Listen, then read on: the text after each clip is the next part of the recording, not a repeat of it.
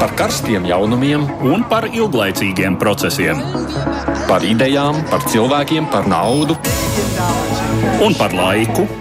Par abām mūsu planētas puslodēm, un lietojot abas smadzeņu puslodes.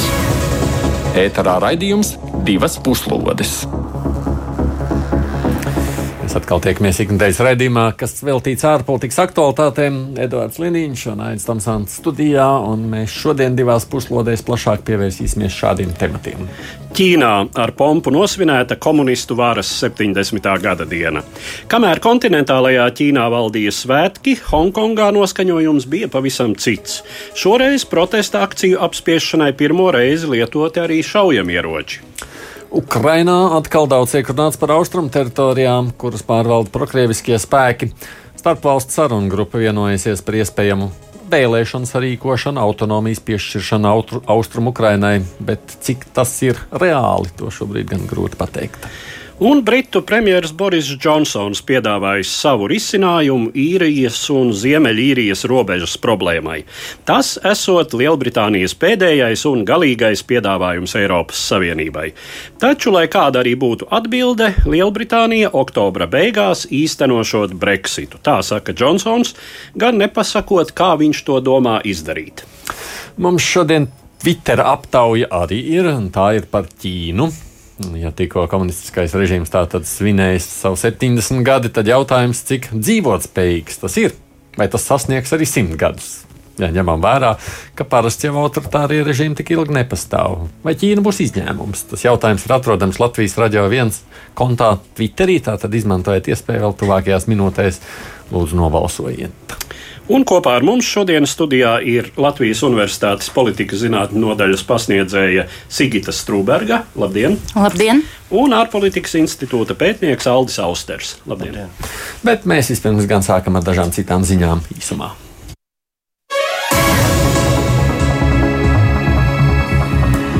Izvēršoties skandālam par ASV un Ukraiņas prezidenta telefonu sarunu, interese par valstu vadītāju sarunām ir tikai augusi. Paralēli impeachment izmeklēšanai Savienotajās valstīs uzmanības lokā nu ir nonākusi arī Austrālija.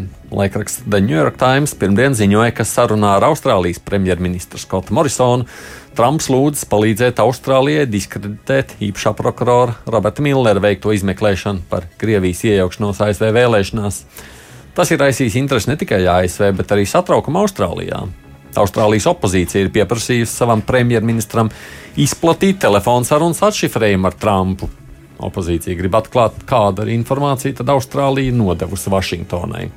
Jāpiebilst, ka savulaik ASV Federālais izmeklēšanas birojs uzsāka izmeklēšanu par Krievijas iejaukšanos pēc tam, kad FIB saņēma norādi no Austrālijas amatpersonām.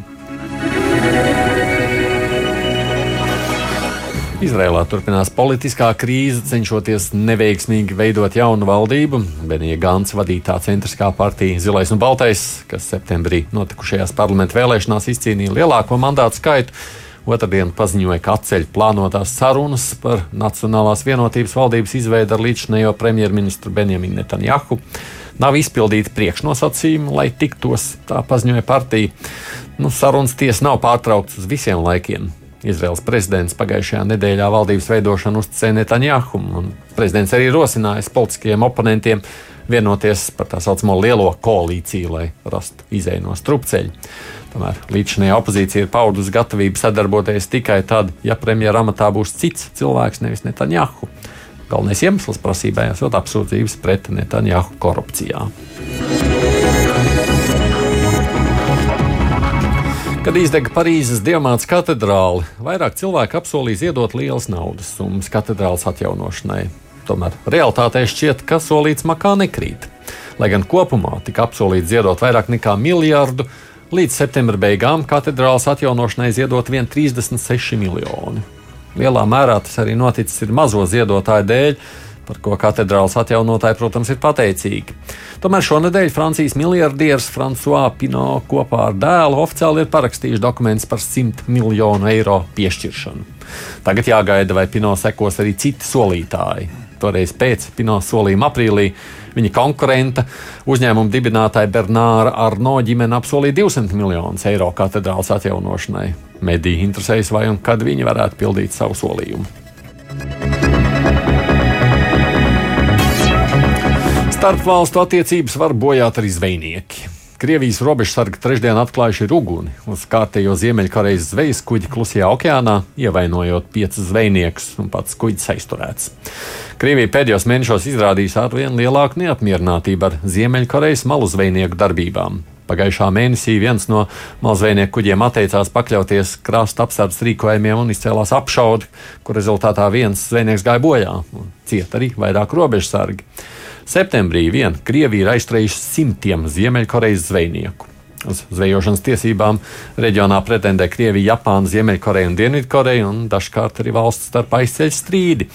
Bet nu, risks tikt aizturētiem vai nogalinātiem neatur nabadzības nomocītos ziemeļkorejiešus no malzveiniecības. Un eksperti uzskata, ka Ziemeļkorejas valdība neuzdrošināsies apturēt viņu nelegālās aktivitātes.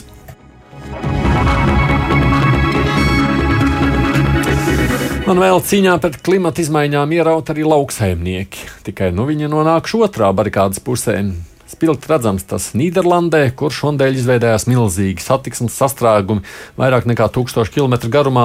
Iemesls tam bija traktori. Ap 2000 lauksaimnieku otrdien ar traktoriem devās lēnā braucienā uz Hāgu, lai protestētu pret apgalvojumiem, ka viņi ir vainojami klimata pārmaiņās. Protestētāji uzskata, ka ir netaisnīgi apsūdzēti par slāpekļa emisiju, kas izraisa zemes sasilšanu un kļūst par ļoti aktuālu jautājumu Nīderlandes politikā. Jāpiebilst, ka Eiropā arī aktīvi tiek diskutēts par to, kā vidi ietekmē industriālā lauksaimniecība. Zemnieki savukārt saka, ka viņi lielā mērā balsta valsts ekonomiku. Demonstrācijā Hāgā, kur atrodas Nīderlandes valdības mītne, piedalījās vairāk nekā 10 000 cilvēku. Bet nu pievēršamies sākumā minētajiem tematiem un vispirms par svinībām Ķīnā. 1. oktobrī ar grandiozu militāro parādi un tai sekojošu pilsoņu gājienu Pekinas ķaņaņmeņas laukumā tika atzīmēta Ķīnas Tautas Republikas 70. gada diena. Ķīnas kompartijas ģenerālsekretārs un prezidents Xi Jinpings uzrunāja klātesošos stāvēdams turpat, kur pirms 70 gadiem režīma pamatlicējs Mao Dzeduns, kad pasludināja Tautas Republikas nodibināšanu. Džimpina vārdiem par to, ka nav spēka, kurš varētu satricināt sociālistiskās Ķīnas pozīcijas planētas austrumdaļā, ir visai nopietnas segums. Pēdējā desmitgadē Ķīna nepārprotami kļūst par pasaules otro spēcīgāko valsti, kā ekonomiski, tā militāri. Parādē sociālistiskās impērijas iespējas uzskatām demonstrēja jaunākās paudzes virskaņas bezpilota lidaparāti un starpkontinentālās balistiskās raķetes. Arī Ķīnas ekonomiskā ekspansija, mērķiecīgi investējot un iegūstot aktīvus visās pasaules daļās, nevienam nav noslēpums. Par pašu ģenerālsekretāru un prezidentu Stīmēdz teikt, ka varas koncentrācijas ziņā viņš jau varot mēroties ar pašu priekšsādātāju Mao. Tomēr ārējās varenības izpausmu fonā bija nopietnas problēmas, ar kurām šobrīd saskaras Ķīna. Pasaules medijos režīma 70 gadus sakarā tiek tiražēta atziņa, ka neviena no 20. gadsimta vienpartijas diktatūrām nav nodzīvojusi daudz ilgāk par 70 gadiem. Tā skaitā padomju bolševisms, kas pastāvēja, ja skaita no pašas režīma iedibināšanas 1917. gada novembrī, nepilnus 74 gadus. Ķīnas sociālisms jau sen vairs nav tāds, kādu mēģināja radīt Mao un viņa laika biedri citās pagājušā gadsimta totalitārajās sistēmās. Šodienas Ķīnā privātpersonas var iegūt bagātību, kāda padomju stila sociālismā nevienam oficiāli nebija ļauta. Padomju pieredze rāda, ka ieguvuši ekonomiskos resursus, jaunbagātnieki tos agri vai vēlu tiecas konvertēt politiskā ietekmē. Pie tam resursi, kas ļāva Ķīnai veikt grandiozo ekonomisko izrāvienu, lētais darba spēks un urbanizācijas iespējas pamazām izsīkst. Taču sevišķi tumšu ēnu pār 70 gadu svinības posmi met teju četrus mēnešus ilgstošie protesti Hongkongā, liekot apšaubīt prezidenta runā slavētā viena valsts, divas sistēmas principa veiksmi. Atgādini kopā ar mums studijā Sigits Trubergs, Nāls Austers. Kas jums šķiet uzmanības lielāks vērts, tas notiekošais kontinentālajā Ķīnā, lielajā Ķīnā vai tie mazajā Hongkongā tie protesti? Vesterbergs kundze? Uh, jāsaka, ka, mm, manuprāt, notiekošais Ķīnā pilnīgi noteikti ir uzmanības vērts, jo mēs jau dzirdējām arī ziņā par uh, to, uh, cik ļoti prezidents Sī ir konsolidējis uh, savās rokās varu, un faktiski um, tam papildus ir jāsaka, ka Ķīnā ir ieviesta līdz šim nepieredzēta sociālās kontrolas sistēma, ko, šobrīd, ko, ko šobrīd jau ir iespējams par ko runāt kā par tādu, ziniet, eksporta preci, kas tiek piedāvāta arī citiem autoritāriem režīmiem. Par, kas, kas tā par sistēmu? Sāksim ar visur esošām novērošanas kamerām, kas pēdējos gados, kuru skaits ir ļoti ievērojami pieaudzis. Mēs novērojam arī to, kā tiek uh, ieviesta uh, arvien plašāka sociālo kredītu sistēma, uh, kā, kā tiek ziņots jau um, pagājušajā gadā bija cilvēki, kas um, nevarēja Ķīnā brīvi pārvietoties um, ar avioreisiem tā iemesla pēc, ka viņu sociālais kredīts nebija pietiekami augsts, lai viņi varētu doties. Kredīts? Tas uh, sociālais kredīts um, ir uh, faktiski tas kopums, kā pilsonis sevi apliecina kā godprātīgu pilsoni. Tātad, tad, ja tu esi godprātīgs, pietiekami pilsonis, tev ir augsts sociālais kredīts, un līdz ar to tev ir iespējas arī augt part, partijas rindās.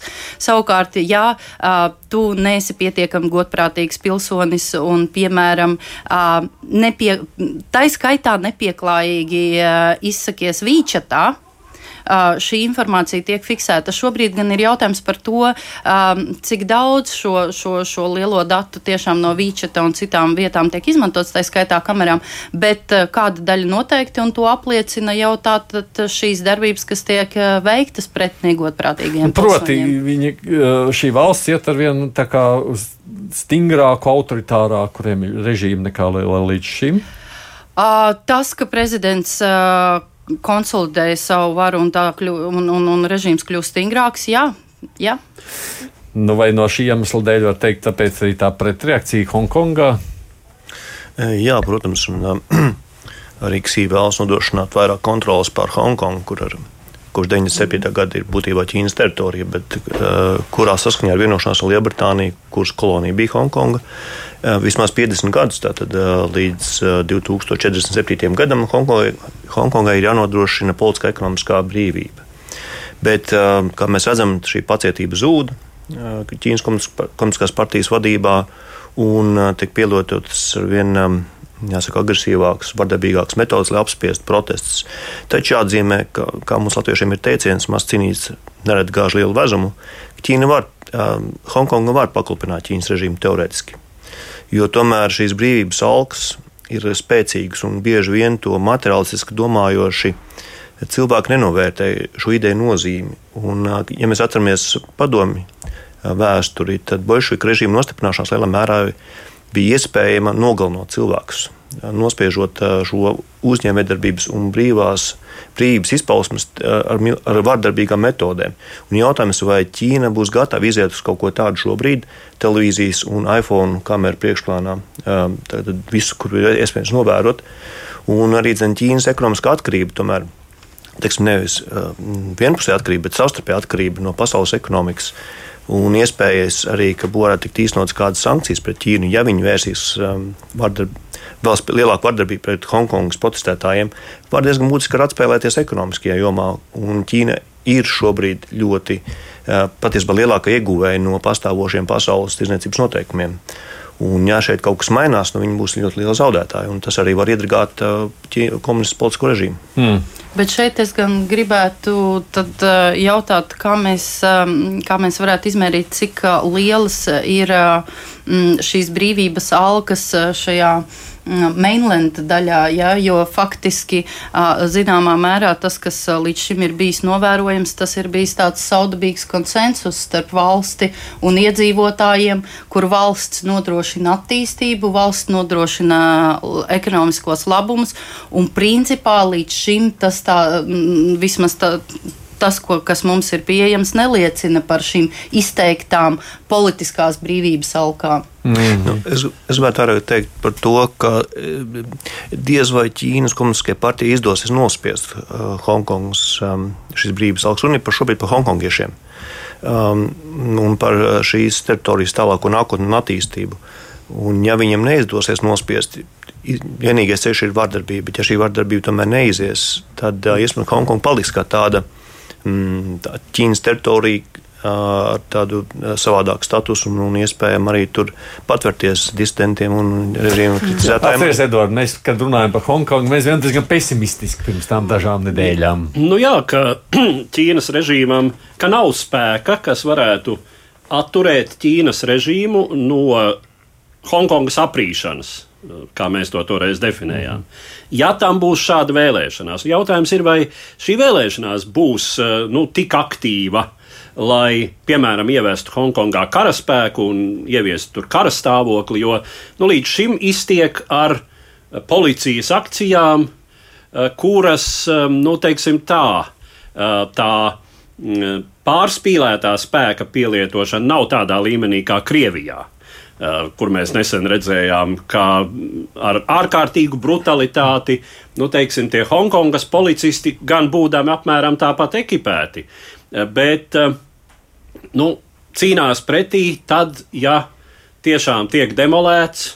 Ja viņiem brūk virsū, nu tur ir apusēji, ja tur nav papīra glāzītes un miskastes, ar kurām pa viņiem met, tur ir degmaisījuma pudeles dažviet Hongkongā. Uh, Te gan jāsaka tā, nu, lieluma lielā masa ir mierīga protesta, bet parasti, kā tas tur, cik es saprotu, notiek, tad, kad mierīgie protestētāji dodas mājās, vēlāk vakarā tad paliek nelielākas grupas un tās rīko, rīko uh, demolēšanas un sadursmes, notiek sadursmes ar policiju. Nu, uh, pēdējais precedents tātad policijai ir uh, Tomēr bez gumijas lodēm, kas ir lietots arī līdz šim, ir arī kaujas munīcija. Un vienā gadījumā, kad uh, grupa cilvēku ir brukusi virsū policijas, uh, vienam policistam, tad viens viņa kolēģis ir izšāvis un diezgan smagi ievainojis uh, vienu no šiem uzbrucējiem. Bet, jā, nu tā tad šobrīd izskatās, ka Ķīna nav īsti ieinteresēta uh, patiešām to, to Hongkongas kustību nospiest ar ļoti brutālu spēku, jo Hongkonga ir ekonomiski, eh, nu, tas pat nav mazs cinītis.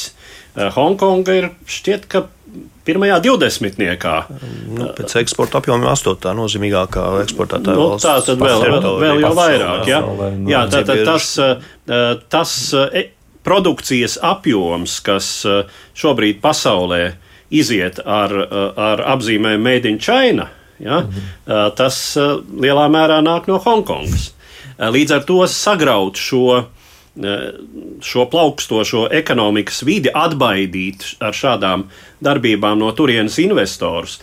Vēl jau vairāk, ja šis kļūst par argumentu, ar kuru, nu, teiksim tā, pamatot uh, pašreizējo savienoto valstu vēršanos un tirdzniecības karu pret Ķīnu. Un tas ir viens no argumentiem, jo tiek teikts, nu, zināmā mērā, tirdzniecības karš pret Ķīnu ir attaisnojums arī par, ar to, ka tā ir totalitāra valsts, kura tagad izrādās arī ir ekonomiski ļoti ekspansīva un izvērš savu ietekmi visā pasaulē. Un tas, teiksim, uh, būtu, pret to būtu jācīnās planētas demokrātijām.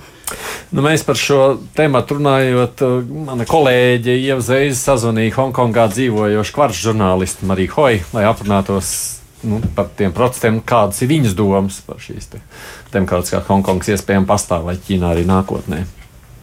We see from this protest movement how hard it is and what we see in Hong Kong is the clash between Mēs redzam ar protestiem šeit, cik grūti tas ir saglabāt demokrātiju.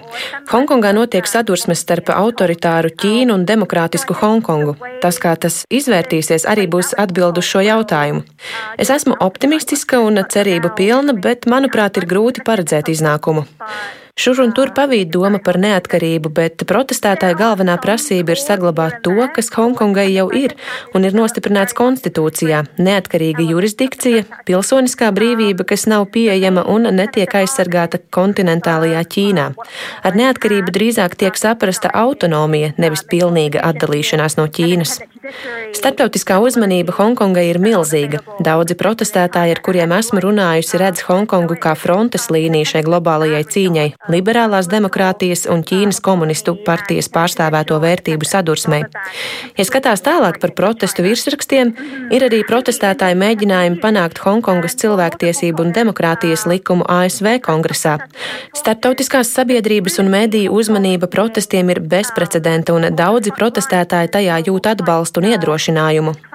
Godīgi sakot, ikdienas dzīve joprojām ir visnotaļ normāla. Cilvēki dodas uz darbu, uz skolu, bet, protams, mēs zinām, ka viss ir mainījies. Sabiedriskais transports ir mainījies uz mūžu. Cilvēki autobusos ir pārmeklēti pēc protestiem.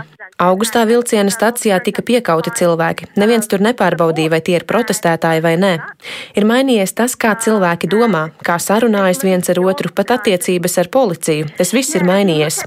Ja paskatās uz aptauju datiem pēdējos mēnešos, uzticība policijai ir ārkārtīgi samazinājusies kopš protestu sākuma. Var redzēt, ka policijas spēku virzienā virmo daudz dusmu par, kā daudz uzskata, pārmērīgu spēka lietošanu. A lot of raw anger boiling against the police for what many see as their excessive use of force. Nu, tā arī Hoja no Hongkongas sakot, ka tur jau arī tā spriedze, tomēr tās zināmas bailes arī tur tiek iedvests. Mēs prasījām klausītājiem, lai viņi nobalso par to, kā viņi domā, vai Ķīna vēl pēc 30 gadiem būs tāda pati autoritāra, spēcīga komunistiska valsts. 70% saka, ka būs.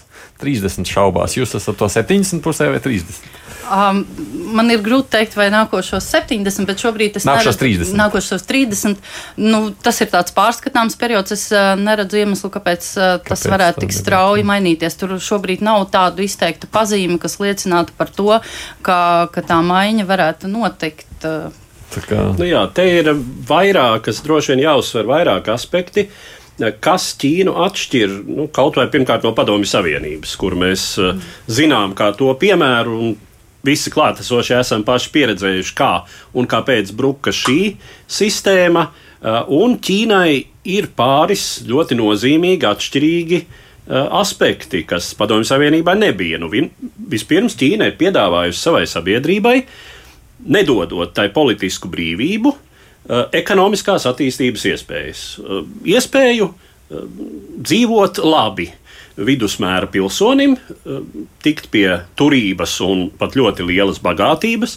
Eh, šādu iespēju Padomju Savienībā nebija. Eh, tas bija faktiski, es teiktu, lielākais sabiedrības neapmierinātības iemesls ar padomju sistēmu. Nu, ja tu nevari nopirkt normālus zābakus, vai ļoti grūti nopirkt automašīnu, un pēc tam vēl grūtāk dabūt tādu rezervi. Toreiz jau viss tie sapņi bija, un televīzija skaties, ka ekrānā, ka tur desu var dabūt, tad pie mums jau tad nav nu, desas. Īsāk sakot, šī desas problēma bija, bija pamats, un, un tikai uz tā tad virsū dažādos padomju Savienības reģionos valstiskuma atjaunošanas nepieciešamības izjūta. Nē. Uh, tas ir pirmkārt, un otrkārt, arī ko Strunbergs kundze pieminēja, uh, kas, līdz, kas agrāk nav bijis. Um, nu, tāda tīri vai orveliska uh, varas iespēja iedarbināt līdz šim nepieredzētus tehniskos resursus pilsoņu izsekošanai. Uh, un uh, iespējams, ka tas ir jauns totalitārisma modelis, kurš ir dzīvotspējīgāks nekā tās vecās labās um, greizajā marksismā balstītās sistēmas. Vedē, sabruka... kā kartoteka nav vajadzīga vairs, vai ne? Bet pabeidzot šo tematu, jums dosimies uz nākšā tematu, Jā, nu... tu, saki, ka vēl tās Hongkongas jautājums ir vienīgais, kas varētu tādu ķīlu. Ne, ne tikai, ne tikai, arī Ķīnas ekonomika mainās.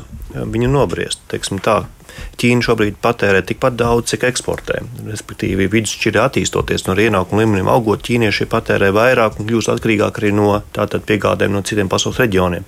Un arī līdz ar to var gaidīt, ka viņu prasības aug pret arī politisko režīmu, jo tālāk jau šie, šie pirmie 20 gadi, kamēr Ķīnas ekonomika strauji auga, tas bija tikai tāda uh, aptī, nu, teiksim, izsalkuma apmierināšana. Šobrīd, kad tas pirmais apetīte ir apmierināta, jautājums par jau kvalitīvāku.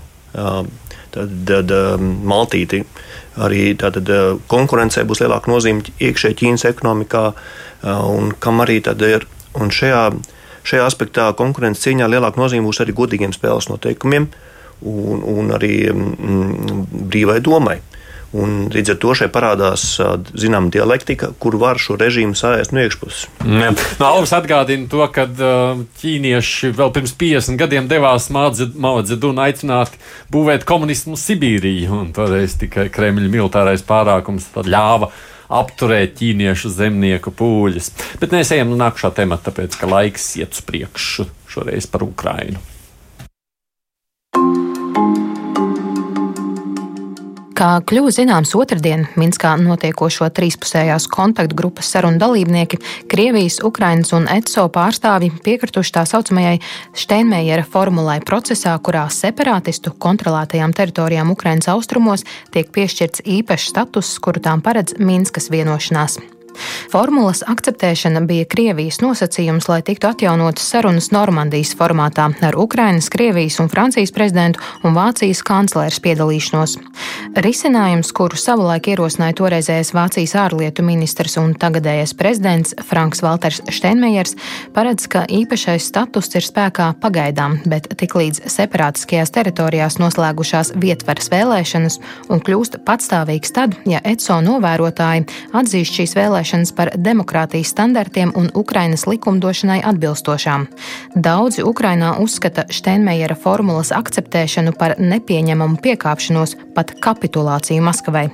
Viņuprāt, šī formula pieļauj vēlēšanas Krievijas karaspēku un bruņoto separātistu kontrolētajā teritorijā, kur Ukrainas likumi praksē nedarbosies, ka Ukraina, piešķirot separātiskajam reģionam īpašo statusu, uzņemsies saistības, taču kontroli pār šīm teritorijām un savu austrumu robežu tā arī neiegūs. Kijevā un citās Ukrainas pilsētās jau sākušās protesta akcijas. Ukrainas prezidents Volodimirs Zelenskis jau paziņojis, ka nekādu vēlēšanu Krievijas automātu stobru priekšā Donbasā nebūšot. Arī daudz eksperti uzskata, ka Steinmeiera formulas akceptēšana ir tikai principiāla piekrišana konkrētam risinājumam, kas reāli nozīmi iegūs tikai tad, kad tiks iekļauts vispārējā Minskas vienošanos īstenošanas plānā. Pagaidām nav skaidrs, kad minētās vietvaru vēlēšanas separātistu kontrolētajos rajonos varētu notikt, un ļoti iespējams, to sarīkošana atdursies pret Krievijas militārās klātbūtnes problēmu. Divas puslodes. Kādien studijā kopā ar mums Latvijas Universitātes pasniedzēja Sigits Truberga un ārpolitikas institūta pētnieks Alts Austers, arī mēs ar Eduardu Liniņu. Es tā klausoties, te iepriekš ierakstā nesapratu, kam tad īsti ir piekritis Ukraiņas prezidents. Nav, ne, nu nevar būt tā, ka Ukraiņa tad, tad ir piekritusi kaut kam, tie delegācija, kas nav saskaņots ar prezidentu. Nē, nē, protams, ka tas ir saskaņots ar prezidentu. Uh, un, uh, Viņš jau to arī ir apliecinājis. Uh, nu, Ukraina faktiski pagaidām ir piekritusi tikai tam, ka tad, ja šādas vēlēšanas notiktu, tad tajā brīdī, kad šīs vēlēšanas notiks un Eiropas drošības un sadarbības organizācijas novērotāji atzīs, ka šīs vēlēšanas ir bijušas brīvas un demokrātiskas, tad sāks darboties tā sauktās Minskas vienošanās un Ukrainas likums, kas savā laikā ir pieņemts.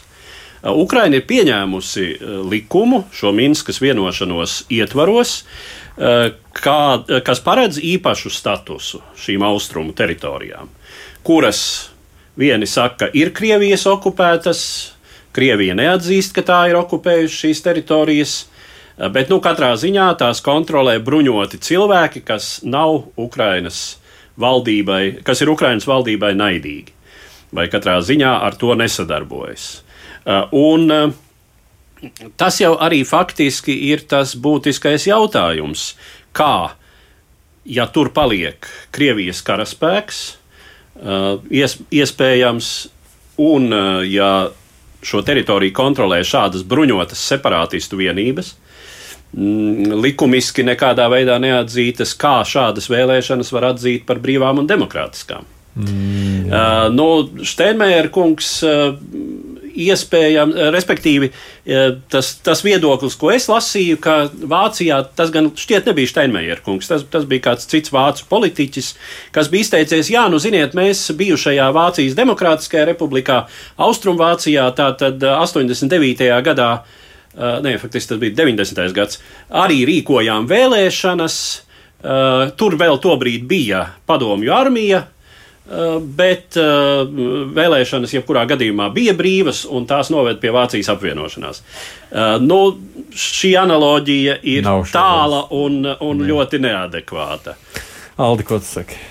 Ne, nu, es saprotu, ka šis, šī Ukraiņas piekrišana šim saucamajam Steinmeier plānam ir no, priekšnosacījums tam, lai varētu notikt uh, augst līmeņa tikšanās Austrumukrāņas jautājumā, kur piedalījās gan Francijas prezidents, gan, gan Vācijas kanclere, mm -hmm. gan arī Krievijas prezidents. Citādāk viņi netiek. Tip, nu, tas, ir, netiek, tas ir Maskavas nosacījums. Un jāsaprot arī tas, ka, protams, ka Donbassā noregulējums nebūs tik ilgi iespējams, kamēr tas nebūs izdevīgi Krievijas pusē. Tad, to, vai tur ir vēlēšanas vai nav vēlēšanas, Un es to labi arī saprotu, šodien pats arī Zelenskis, ka iespējams, ka šis ir drīzāk tāds taktisks gājiens no viņa puses, Jo izvirzot noteikumu, ka vēlēšanas notiks tikai tad, kad tur vairs nebūs uh, svešu valsts karaspēka, nu, tas arī nav diezko, rea diez, diezko reāli. Līdz ar to šī piekrišana vairāk tāda hipotētiska pieņēmums, ka varbūt kādreiz Austrumukrainai Donbasam varētu būt autonomijas status, bet viņš arī labi saprot, ka līdz tam diez vai nonāks. Vismaz to, ka šeit ir tāda zināma spēle.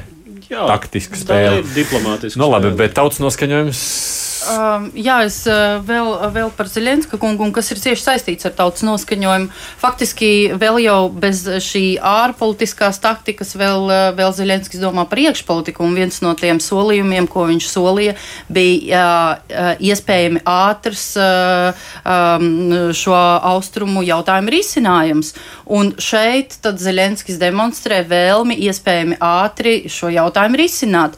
Tā skaitā mēģinot uh, rast tātad tātad uh, kaut kādus soļus, uh, kā, kā, kā minimums Normandijas četrniekam tikties un tam līdzīgi. Uh, kas attiecās uz sabiedrību, tad no vienas puses, jā, sabiedrība Ukrainā ir nogurusi no kara. Uh, bet uh, no otras puses, uh, sabiedriskās domas aptaujas, kas tika publicēts burtiski aizvakar, liecina par to, ka par šo Steinmeiera formulu iedzīvotājiem nav skaidrs, kas tas ir iedzīvotāji nesaprot, divas trešdaļas iedzīvotāji nesaprot, kas tas īsti ir. Un līdz ar to arī, mm, līdz ar to arī tas um, atbalsts uh, īsti nav šim. Vai Zelenskis neriskē šādā veidā, nu, mēģinot, uh, nezinu, kā tur lavierēt? Es domāju, ka Zelenskim tā, ja, ja jūs domājat iekšpolitiski, tad Zelenskim joprojām atbalsts ir pietiekami liels. Jautājums, kas attiecas uz ārpolitiski, viņš riskē ar to, ka vismaz tas, ko atsevišķi Ukraiņas eksperti saka, kas, par ko viņi bažījies, ir tas, ka faktiski vai tas nevar kļūt par ceļu kaut kādiem kom, nākošiem nērtiem kompromisiem no Ukraiņas puses, ņemot vērā to, ka Ukraina piecus gadus ir diezgan stingri stāvējusi savās pozīcijās. Mm. Nu, no otras puses, cik tad īsti grib to esošo situāciju saglabāt, kāda tā ir šobrīd, un kādas cerības nu, to ir izkustināt no mirušā punkta, ja neko nemēģina runāt un vienoties vai iet uz kādu kompromisu. Nē, nu tieši tā, droši vien, ka šis solis ir attaisnojams, jo nu, tā ziņā, ka sanākt kopā atkal tā sauktajā Normandijas formātā, kur tomēr teiksim tā, uh, Putins nejūtas uh, ļoti komfortabli. Uh, vai katrā ziņā tik komfortabli un ar iespēju runāt no spēka pozīcijām, kā viņš varētu varbūt runāt divpusējās sarunās. Un, nu, it kā ir tā, ka Zelenskis mēģina pildīt to, ko viņš ir solījis.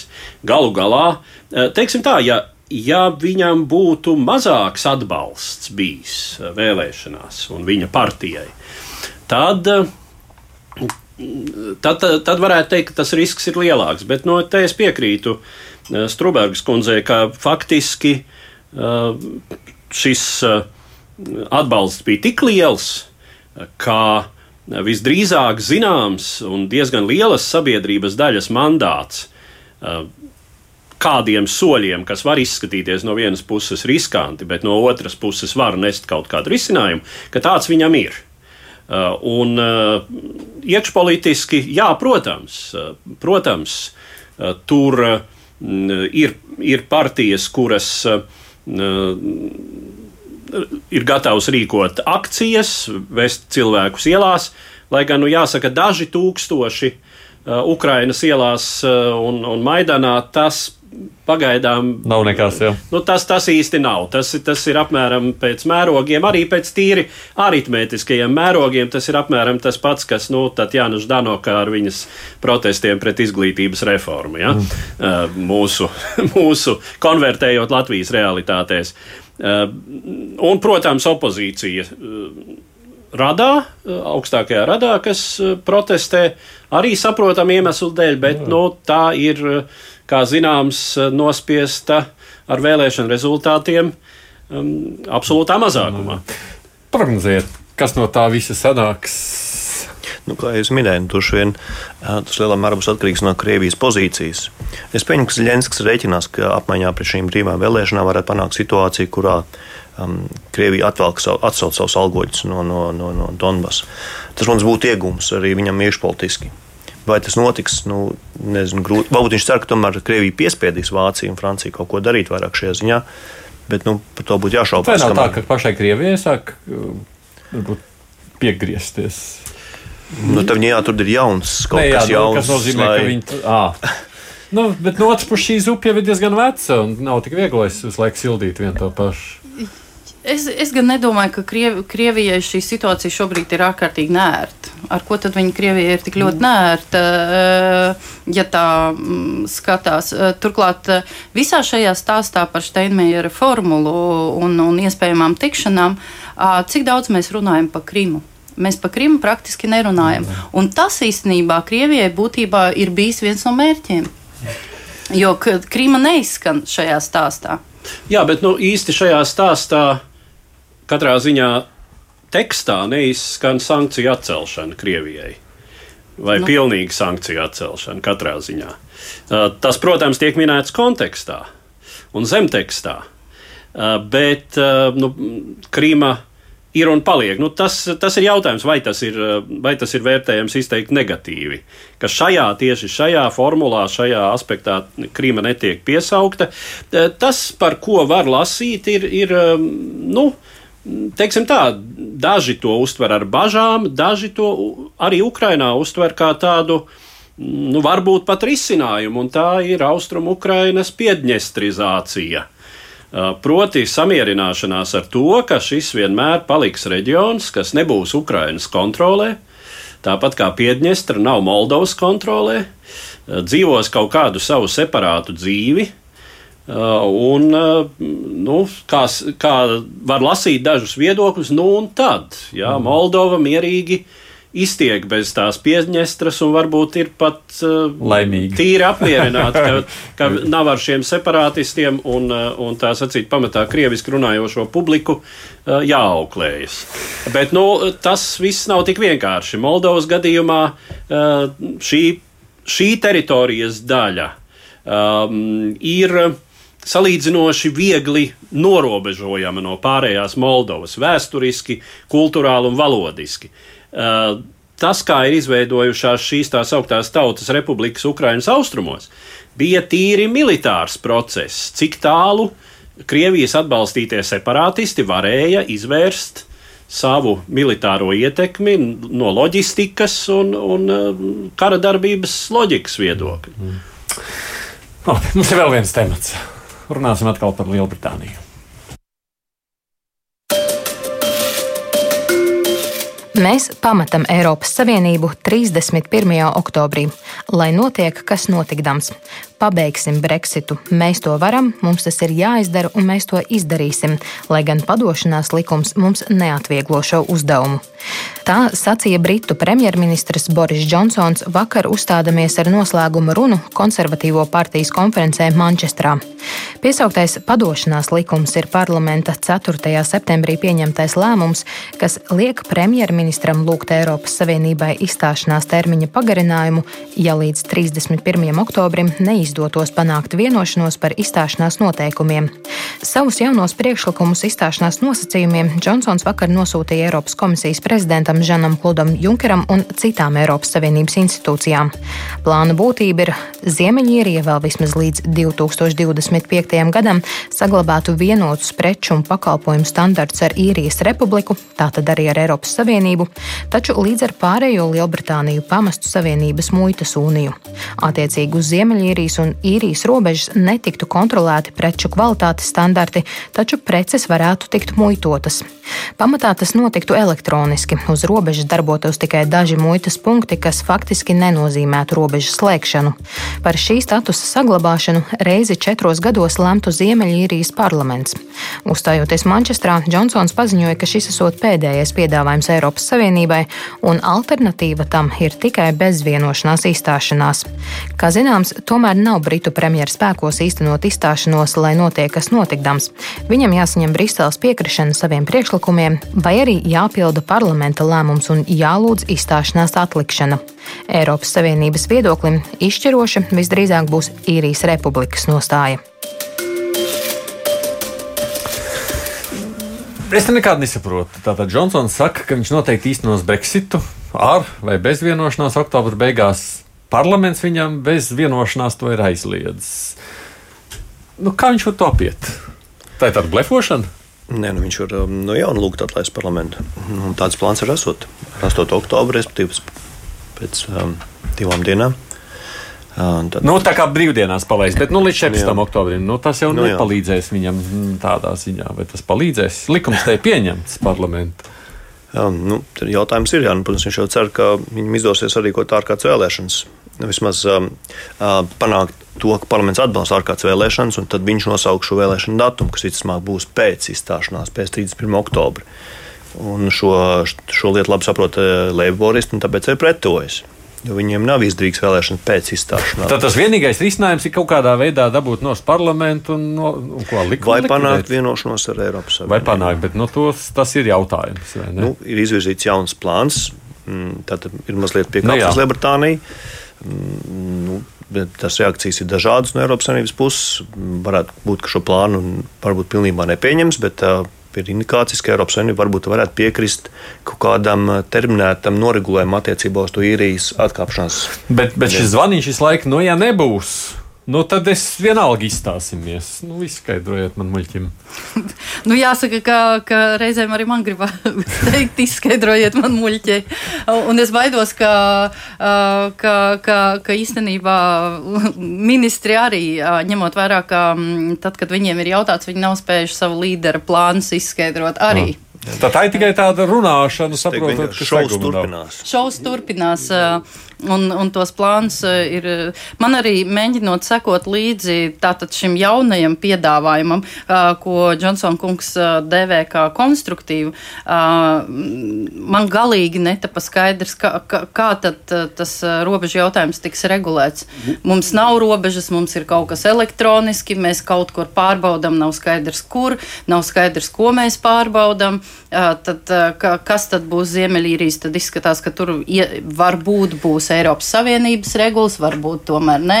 ne Tas, regulas tā kā Eiropas Savienības, bet, bet oficiāli tā kā muita nē. Un tad muitas punktiem jāpārbauda, bet tur nav ko pārbaudīt, jo viss jau tiek ievērots. Nu, nu, Gan drīz vai jā, ka ļoti daudz ko varot izdarīt elektroniski, līdz ar to uh, preču plūsmai nav jāapstājas uz robežas. Uh, un viss pārējais paliek uh, netraucēts, jo robežas, cietas robežas it kā tomēr nav. Uh, nu, mums jau arī redzi, pastāv ar mūsu kaimiņu valstīm, kas ir Eiropas Savienības dalību valstis, muitas kontrole jau Latvijai joprojām pastāv.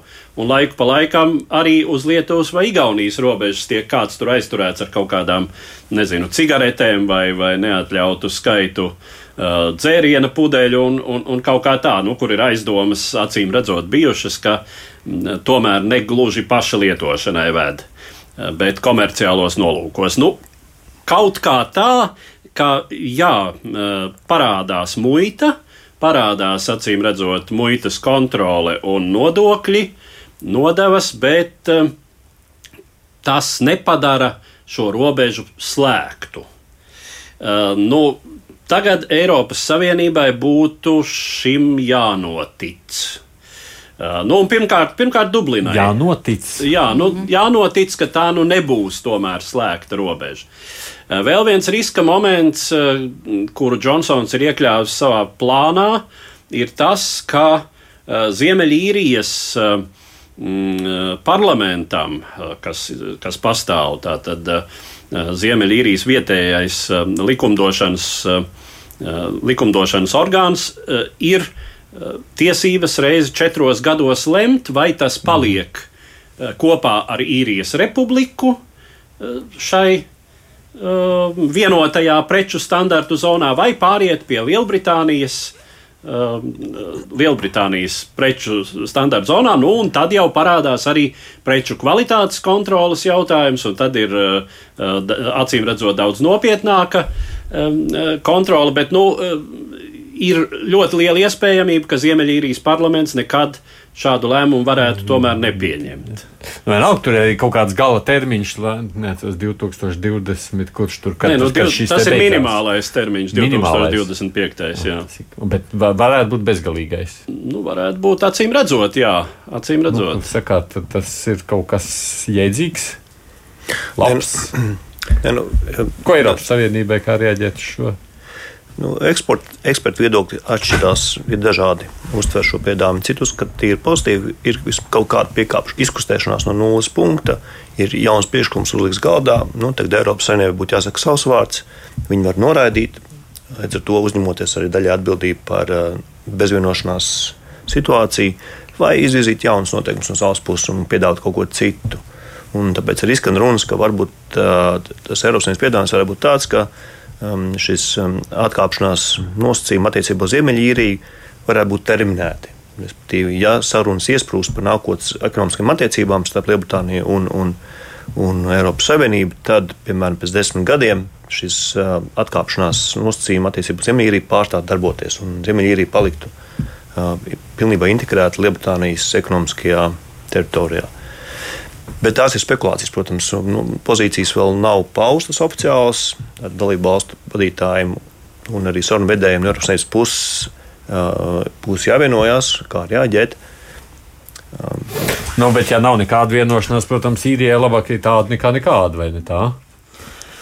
Um, šobrīd grūti spriest, jo, jo faktiski jau um, vēl tas, kas ir izskanējis uh, no ekspertiem, ir. Uh, Um, ir cita veida bažas, kas ir saistītas uh, par uh, Ziemeļīrijas uh, preču miedarbību ar Lielbritāniju, ar, uh, kā, kā, kā tas notiks, ņemot vērā šo jauno regulējumu. Turklāt, uh, mm, Jo, tas, ko es teicu sākotnēji, jebkurā gadījumā, pat, uh, pat mēģinot saprast, ka tas notiks elektroniski, viens ir tas, kas uh, vai, vai tādā veidā, kā pie mums, pie mums, ko jūs minējāt, piemēram, ar Latviju un Lietuvu, bet tomēr. Uh, Tomēr tas ir starp divām Eiropas Savienības valstīm.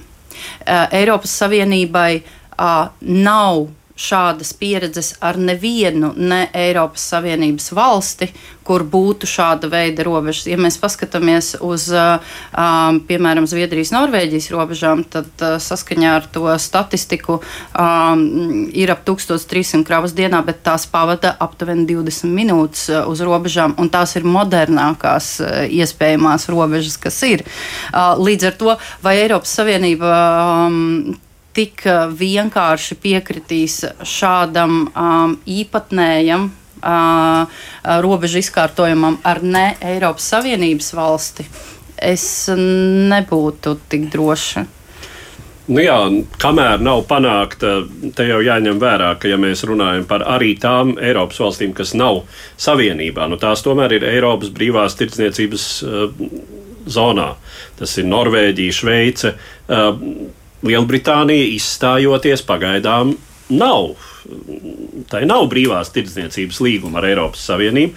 Par to ir jārunā, par to ir jāvienojas. Kāpēc arī bija šis tā sauktais īrijas backstop, jā, tā tad rezerves risinājuma plāns, vieno, pirmajā vienošanās variantā, kuru izstrādāja un noslēdza, vai par kuru vienojās Terēza Mēja.